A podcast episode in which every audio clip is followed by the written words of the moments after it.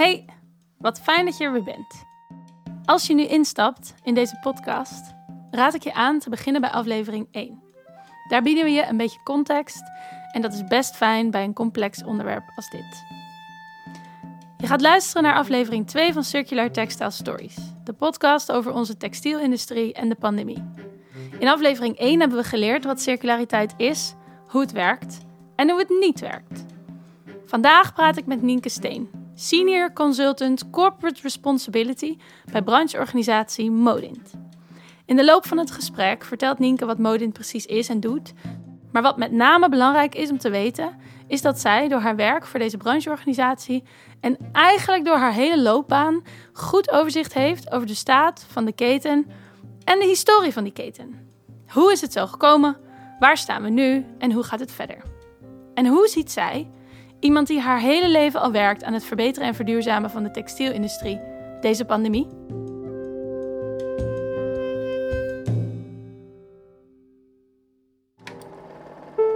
Zoals het een echte pandemie-podcast betaamt, zijn deze gesprekken niet live opgenomen, maar via Zoom. En dat kun je soms horen aan de audiokwaliteit. Oké, we gaan beginnen. Oh, maar hij neemt wel op als het goed is. Oh, nou perfect. Oké. Dat is mooi. Uh, fijn dat je even tijd kon maken. Ik zet nog heel eventjes wat dingen uit die kunnen gaan bliepen. Dat is wel zo handig. Uh, ja, kun je jezelf even introduceren? Wie je bent en wat je doet in je achtergrond? Ja, zeker. Uh, nou, ik ben Nienke Steen, werk voor Modint, nu al een jaar of tien. Werk puur op het thema duurzaamheid, sociaal als milieugericht. Het is voortgekomen uit een passie. Uh, uh, nadat ik afgestudeerd ben aan het Amsterdam Fashion Instituut, ben ik daar, of ik ben op dat thema afgestudeerd, met name verantwoord ondernemen. In India ging dat toen. Toen kon ik blijven werken bij een modebedrijf waar ik dat onderzoek voor deed. En daar ben ik MVO-manager toen voor vijf jaar geweest. heel veel gereisd naar de productielanden, heel veel gezien. En ben tegelijkertijd mijn eigen merk gestart. Vijf jaar lang een eigen duurzaam label gehad. En we produceerden ook kleding voor allerlei bedrijven, goede doelen. Voor, voor allemaal van biologisch katoen. Dat was destijds al heel, heel nieuw en nou ja, dat sloeg dus vooral aan in de NGO-markt, zeg maar. Mm -hmm. maar ook in wat creatieve winkeltjes in allerlei grote steden van Nederland. En daarna werd ik gevraagd dus door de directeur van Modint om daar het hele stuk van MVO-advisering op te zetten. En uh, dat doe ik met heel veel plezier uh, nu voor de hele Nederlandse modebranche. En daarnaast ben ik ook bezig met het maken van beleid zit ik in de stuurgroep van het Convenant en de Committee of Experts van Fairware Foundation. Dus ik doe allemaal verschillende dingen, sectorbreed mm en, en voor bedrijven individueel. En toen je um, ook voor dat modebedrijf werkte waar je na je studie kon beginnen en je daar ook heel veel voor gereisd en gezien hebt, heeft dat toen ook nog jouw blik op de textielsector zoals we die kennen en toen zeker kenden veranderd? Uh, ja, zeker. Ja, ja, dat gebeurde eigenlijk al tijdens mijn stages, tijdens mijn studie. Want ik ging technisch-commerciële confectiekunde studeren ooit, omdat ik dacht dat het een wereld was van creativiteit en wel zaken doen. Maar uh, eigenlijk in mijn stages kwam ik erachter dat, dat er veel uh, toch wordt gekopieerd. Dus dat die creativiteit niet altijd even creatief is en dat uh, er zaken werd gedaan met ontwikkelingslanden waarin niet veel werd gekeken naar ja, wat dat dan voor effect heeft, op wat voor manier dat gebeurde. En soms wel was er wel interesse naar, maar eigenlijk niet van hoe krijgen we daar in godsnaam vat op. Het was meer een soort van bijna onhandigheid of zo, wat ik zag. Van, we weten eigenlijk, we zijn gewoon bezig met kleding. En ja, arbeidsomstandigheden, dat is natuurlijk heel ingewikkeld, uh, heel ander domein of zo. Zo voelde het voor veel modebedrijven. Dus toen dacht ik, hé, hey, daar, daar moet echt wat gebeuren. Waarom was dat ingewikkeld? Of wat? Ja, nou, je hebt het opeens over arbeidsrecht en ook nog in, een ander land. En, en, en wat is ethisch?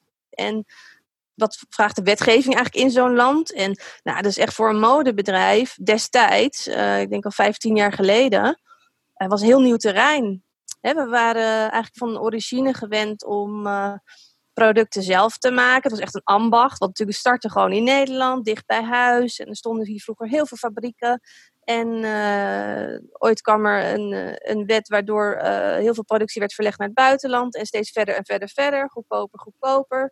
Nou ja, de hele industrie op zoek naar mooie, goedkope producties. En zo kwamen we uit in, in landen waar we eigenlijk helemaal geen vat meer hadden op hoe onze kleding tot stand is gekomen.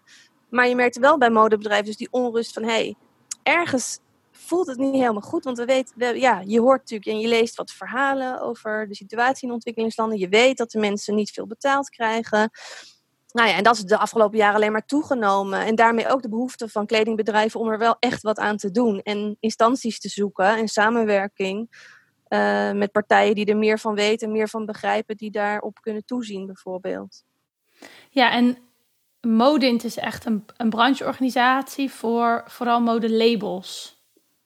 Ja, modelabels, maar ook, um, ja, dus je, we worden ook als een leveranciersorganisatie uh, genoemd. Oh ja. Dus het zijn uh, inderdaad, dat bedoelen ze mee leveranciers aan de retail. Maar ondertussen zijn heel veel leveranciers gaan retailen. Dus heel veel van onze leden hebben hun eigen winkels ondertussen. En, uh, en retailers zijn gaan, gaan produceren. Dus is nu één mengelmoes in de markt. Dus we hebben nu van alles en nog wat. We hebben retailers in onze achterban, maar met name de merken en de tussenhandelaren. Dus bijvoorbeeld waar de, de, de bekende ketens inkopen. Daarachter zitten vaak heel veel MKB-bedrijven die de productie organiseren voor grote Nederlandse retailers. Die zitten ook bij ons aangesloten. Dus echt meer logistiek? Nou, meer ook echt ook productontwikkeling en dat soort oh. zaken. Ja, dus die, die maken, die ontwikkelen collecties. En dan komt uh, bijvoorbeeld iemand van uh, eh, CNA, van Zeeman, komt daar in de showroom. En die ontwikkelen samen dan de collecties. En dat is dan... Uh, zowel creatief vaak, maar ook productietechnische hulp en risicodeling. Uh, dat een bedrijf niet alles zelf hoeft in te kopen en dat technische proces hoeft te begeleiden. Dat besteden ze dan een deels uit aan die tussenhandel. Ja. En is die tussenhandel iets van de laatste jaren of is dat er altijd al? Ja, dat is eigenlijk toen in die tijd dat producties naar het buitenland... Dat waren eigenlijk van origine waren dat confectiefabrieken vaak. Oh, ja. En die zijn uh, overgegaan bijvoorbeeld omdat, omdat het te duur werd om in Nederland dingen te produceren. Dan lagen ze meteen uit de markt. Zijn ze op zoek gegaan naar productiefaciliteiten in het buitenland. Dus ze doen vaak uh, heel veel uh, creatieve dingen en de commerciële dingen hier in Nederland. En, en de productie is dan uitbesteed. En um, we zitten natuurlijk uh, nu uh, via Zoom te bellen, omdat we midden in een soort pandemische crisis zitten. En die heeft superveel effect op de textielindustrie, omdat het zo'n mondiale industrie is en er zoveel verschillende schakels in zitten. Dat blijkt nu maar weer naar jouw uitleg over dat er eigenlijk, eigenlijk nog weer een bedrijf tussen waarvan jij denkt dat die het ontwikkeld heeft. Daar zit eigenlijk nog iets voor die nog een stap daarvoor ontwikkeld heeft. Hoe zou jij met zeg maar, jouw modint blik en de, uh, ja, de achterban die jullie hebben, hoe kijken jullie nu op dit moment naar deze crisis? Ja, nou, het wordt inderdaad uh, helder dat onze industrie is inderdaad zo complex ingericht en met zoveel tussenschakels en uh, een kledingstuk bestaat, dat, dat realiseren mensen zich soms ook niet. Een kledingstuk bestaat soms echt uit tientallen onderdelen. Dus het is niet gewoon één stof en je het in elkaar. Er zitten ook knopen, voeringsstoffen, uh, uh, ritsen, kanten, biesjes. En, en dat komt soms elk, elk stukje, onderdeeltje uit een kledingstuk komt weer uit een andere fabriek. En soms worden ook bijvoorbeeld bepaalde onderdelen worden uitbesteed. Dus dan denk je dat je de order ergens neerlegt en dan besteedt die fabrikant het weer uit aan een andere fabrikant, omdat bijvoorbeeld zijn productieband vol is. Of, uh, nou ja. En um, je vraag was eigenlijk meer met deze crisis. Uh, gebeurt het volgende. Uh, retail kampt met enorme issues omdat gewoon hun winkels dicht moesten nu. En consumenten hebben ook heel weinig interesse in kleding, blijkt in tijden van crisis. Want hè, van origine is kleding een basisbehoefte om onszelf warm te houden. Maar je merkt gewoon onze kledingkasten puilen uit. Dus we hebben met z'n allen nu helemaal niet zo'n primaire behoefte als we zo voor de camera zitten te bellen. Nu heb ik ook helemaal niks speciaals aangetrokken. Terwijl normaal zou ik een leuk jurkje aan hebben gedaan als ik met jou ging praten bijvoorbeeld. Dus zo iedereen die uh, blijft veel thuis. Dus niemand koopt meer kleding. Nou, en dat heeft het volgende effect dat, dat die retailer die zegt tegen de uh, producent in Nederland of in het buitenland. Van joh, uh, ik verkoop niks. Uh, ik wil graag de orders die ik heb geplaatst, of erger nog, orders die lopen, wil ik graag cancelen, want ik kan het niet verkopen. Of sterker nog, soms, ik kan het niet eens betalen, want de liquiditeit staat enorm onder druk. Dat betekent dat ze heel weinig reserves eigenlijk hebben ingebouwd in hun bedrijf. Nou, en dat, dat blijkt nu meer dan ooit, dat, dat dus het hele economische systeem dat bepaalt behoorlijk hoe het gedrag in de keten nu zich uh, manifesteert. Er is een groot verschil tussen hoe bedrijven nu omgaan met die crisis. Er zijn veel bedrijven die nog gewoon in dialoog gaan en die wel vragen wat heeft het voor effect. Ja, ik wil het liefst uh, later betalen of ik wil een order cancelen. Wat heeft het voor effect op jou? Is het haalbaar voor jou of gedeeltelijk? En dat zijn wel de goede dingen van de jarenlange eh, IMVO-afspraken eh, met elkaar maken. Maar je ziet ook nog bedrijven die gewoon keihard in de onderhandeling gaan en, en gewoon hun eigen bedrijf proberen te redden zonder na te denken over de globale gevolgen daarvan bijvoorbeeld. En dat is nu wat tijdens deze coronacrisis heel, heel schrijnend is als je kijkt wat er nu bijvoorbeeld in productielanden gebeurt. Dat is eigenlijk een direct gevolg van hoe de sector en alle verschillende schakels daarin zich überhaupt de afgelopen jaren, denk ik, hebben gedragen. Namelijk zo gunstig mogelijk voor zichzelf vaak qua kosten natuurlijk kosten drukken. En zo'n uh, fabrikant die het weer uitbesteedt, dat gebeurt ook vaak kostentechnisch. Of omdat het gewoon praktischer is. Of uiteindelijk kan iemand het net iets goedkoper maken. Uh, zie jij dat ook zo? Dat het een soort. Ja, dat het eigenlijk blootlegt hoe die industrie zich überhaupt al heel lang gedraagt, maar dat het nu problematisch wordt? Nou, eigenlijk weet je, de hele handel, dus niet alleen de kleding- en textielindustrie, de handel is gewoon gebaseerd op wat vraagt de markt van mij. En onze industrie heeft net als elke andere industrie altijd gekeken naar wat, wat werkt er goed in de markt, wat kan ik goed verkopen. Want het bestaansrecht van een bedrijf is om geld te verdienen. Ja. Dus het is niet zo'n gekke ontwikkeling geweest. De consument die vond goedkope kleding heel fijn, want dan kon je heel veel jurkjes voor één bedrag uh, kopen in plaats van één jurk vroeger. Dus we zijn eigenlijk gewoon uh, met z'n allen als maatschappij, zou ik willen zeggen, helemaal meegegaan in uh, lekker veel spullen voor zo min mogelijk geld. En nu als maatschappij ontdekken we eigenlijk de misère daarvan. Omdat we opeens zijn onze ogen geopend voor, ik denk ook dankzij internet, dankzij NGO's, vakbonden die geluiden laten horen, kritische organisaties van jongens, wat betekent dit systeem voor de rest van de wereld. En voor mensen die juist hun stem niet konden laten horen heel lang. En die stem is nu heel duidelijk hoorbaar. En uh, dat is ook hartstikke goed. En, en, en heel veel bedrijven zijn daar ook blij mee in de zin van dat ze ook een soort handelingsperspectief krijgen. Dat ze nu snappen wat ik in het begin van het gesprek zei, van dat ze eerst eigenlijk niet zo goed wisten. Het was eigenlijk een beetje ja, onduidelijk. En nu is best wel duidelijk wat er gebeurt. Dus nu is er ook handelingsperspectief. En, en veel bedrijven pakken die handschoen nu ook op bijvoorbeeld binnen het convenant, maar ook daarbuiten.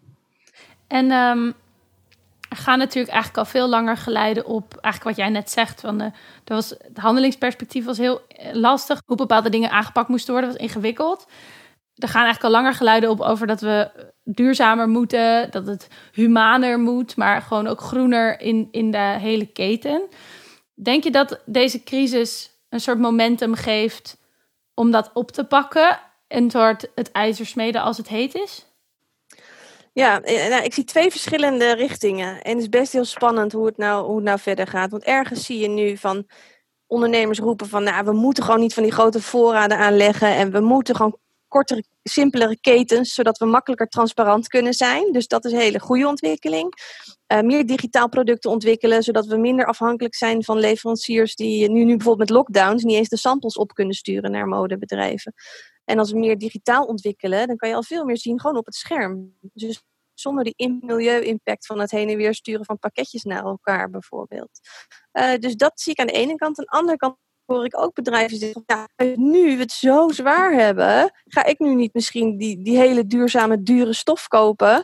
Want die klant die waardeert dat nog steeds dus niet. Commercieel is het nog steeds ja, niet, niet interessant om een duurzaam artikel op de markt te brengen. En dat moet gewoon echt veranderen. Dus we moeten kijken naar hoe kunnen we een, als maatschappij een systeem bouwen. Dus denk aan bijvoorbeeld uh, dat handelstarieven op, uh, op duurzame artikelen gunstiger worden. Of dat er minder belasting op duurzame artikelen kunnen gelegd worden. En de consument moet meer bewustzijn krijgen. Bedrijven moeten beter communiceren. Ik denk zo'n systeem gaat ervoor zorgen dat echte veranderingen komen. Dus dat kunnen we niet alleen van het bedrijfsleven vragen. En wat is die rol van die consument dan exact? Want bewustwording is natuurlijk heel ingewikkeld. Het is een beetje hol, want ja, wat betekent het eigenlijk precies? Uh, wat vragen we dan precies? Gaat het over ergens waarde aan toekennen? Uh, zoals we vroeger kleding eindeloos verstelden omdat er gewoon niet zoveel was. Maar wat verstaan we daar dan onder? Wat versta jij daar precies onder? Ja, je hebt nu al een groep mensen die gewoon van nature bewust zijn door hun opvoeding of door een opleiding of door bijvoorbeeld in mijn geval mijn oma die vegetarisch was in de jaren 70, 80. Een van de eerste die mij inspireerde om eens na te denken over wat er dan met die dieren gebeurde. Dus dat is een onderdeel, maar er is een groot verschil tussen wat je doet als burger en wat je goed en fout vindt en wat je als consument doet. En ik denk dus dat we nu op het punt staan dat we dus bewust zijn van heel veel mensen. Als je vraagt, vind je het erg dat er mogelijk kinderarbeid betrokken is bij het product wat jij net hebt gekocht? Dan zegt iedereen, oh, vind ik verschrikkelijk. Of dwangarbeid, of discriminatie, of vervuilende fabrieken. Dan heel veel mensen zeggen, nou, daar zou ik echt uh, niet zomaar uh, producten van kopen of zo, als ik dat zou weten. Maar ja, het shoppen zelf, dan ben je toch bezig met, oh, ik heb een geel jurkje nodig voor een feestje en uh, een rood jasje en een uh, paarse sokken. En dan staat dat zo ver af van uh, al die verhalen die je bijvoorbeeld op het 8 uur journaal hebt gezien. Dus nu staan we op het punt om dat aan elkaar te verbinden. En gebruik te maken dus van, van ja, bewustzijn wat, wat bij veel mensen wel aanwezig is. En wat door, denk ik, door scholing, dus bijvoorbeeld in basisonderwijs, maar ook in uh, op modescholen zouden we veel duidelijker het verhaal moeten vertellen. En dat gebeurt ook al steeds meer. En zo moeten we eigenlijk in, in de basis van onze maatschappij een bewustzijn creëren. Bedrijven moeten dus gaan communiceren. En zo kunnen we uiteindelijk dat bewustzijn wat de mens als burger heeft, eigenlijk in het aankoopgedrag ook om te zetten valt, zeg maar. Dus, dus die twee dingen moeten nu gebeuren. En die komen heel snel nu. Ja? Dat denk ik wel, ja, dat denk ik absoluut. Want die druk wordt gewoon te groot op bedrijven om niet transparant te zijn. Dus je ziet al heel veel bedrijven die nu bijvoorbeeld hun leveranciers allemaal online zetten. Informatie over de fabrieken, hoeveel mensen er werken. Dus je, je ziet steeds meer die tendens. En vaak als de grote daarmee beginnen, dan volgen de kleinere vanzelf. En je zei ook al van uh, ketens moeten eigenlijk ook kleiner. Uh, daar gaan wel geluiden op in de sector dat er ketens kleiner moeten. Denken jullie dat vanuit Modint ook? Of denk je dat de situatie zoals die is met oog op duurzaamheid gehandhaafd kan worden? Ik denk dat er inderdaad schakels tussenuit gaan in de toekomst. Tenzij bepaalde schakels in de keten echt een toegevoegde waarde hebben. Dat is commercieel interessant, A. En B is dat qua duurzaamheid heel interessant. En als het hand in hand gaat, dan gaat de business wel, dan gaat het veranderen. En die tendens zien wij, ja. En dan wordt het dus uiteindelijk uh, dat soort producten potentieel ook interessanter voor de markt. Als de prijzen anders worden. Zeker. En als we dat kunnen combineren met gunstige tarieven of juist heffingen op vervuilende artikelen, dan uh, komen we een heel eind met z'n allen. Want dan kunnen we het en ook voor de, eh, voor de klant juist ook uh, interessant maken. Waar wij vanuit Cirkelwaarde veel mee bezig zijn, is ook samenwerking in de keten. Dus het probleem van de een kan opgelost worden door de ander. En als je met elkaar in gesprek raakt, dan kom je vaak veel verder dan als je je eigen vierkante meter bewaakt. Zien jullie dat ook zo? Absoluut, ja. Daarom zijn we ook bijvoorbeeld dat convenant. Wij waren een van de initiators daarvoor. Oké, okay, even een break. Je vraagt je vast af wat dat convenant waar Nienke het over heeft precies is. Het gaat om het International MVO-convenant Duurzame Kleding en Textiel. Inmiddels hebben bijna 70 bedrijven het convenant ondertekend. En die bedrijven committeren zich door die ondertekening aan afspraken rond eerlijke, duurzame en veilige productie op een milieu- en diervriendelijke manier. En we zitten bijvoorbeeld ook al, al jaren in het bestuur en in het opzetten van de Fairware Foundation. En dat is ook multi-stakeholder. En het convenant dus ook. Er zitten dus NGO's, vakbonden in, wij namens de werkgevers en in het convenant zit de overheid er ook bij.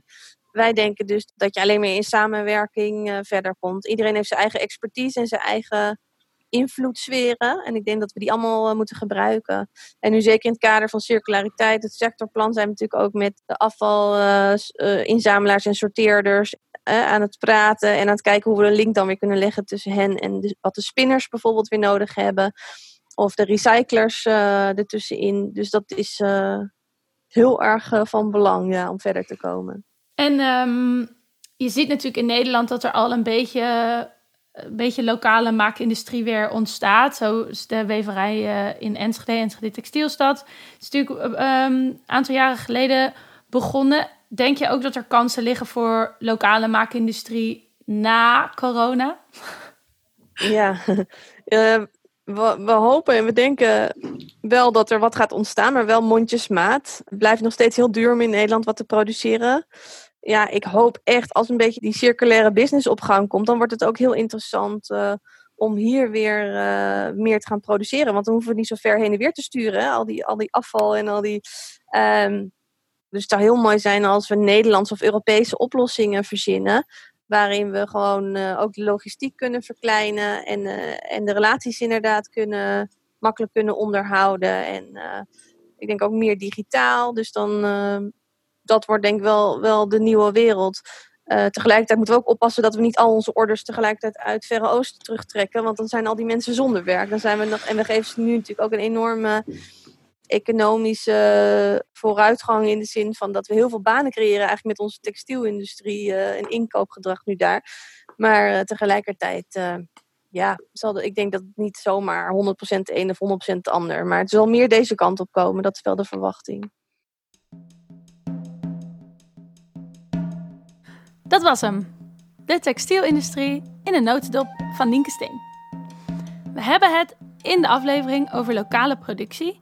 En daar gaan we in aflevering 5 dieper op in met Annemieke Koster, oprichter van duurzame weverij Enschede Textielstad. Meer informatie over het convenant vind je in de show notes. Dank voor het luisteren. Deze podcast kwam tot stand door Grondstoffenalliantie Cirkelwaarde, een samenwerkingsverband van publieke organisaties AVU, ROVA en Circulus Berkel, die samen onderzoeken hoe ze het huishoudelijk afval op een circulaire manier verder kunnen brengen in de keten. Ik werk op dit moment voor Cirkelwaarde op het textieldossier en daar is deze podcast ook een onderdeel van. Edit en sounddesign is in handen van Jeppe van Kesteren. Mijn naam is Rosa Scholtens en in de show notes vind je bronnen en linkjes naar de website van Cirkelwaarde, de studio van Jeppe en mijn website en Instagram. Heel veel dank aan Nienke Steen. Meer info over haar en Modint vind je ook in de show notes. Tot de volgende!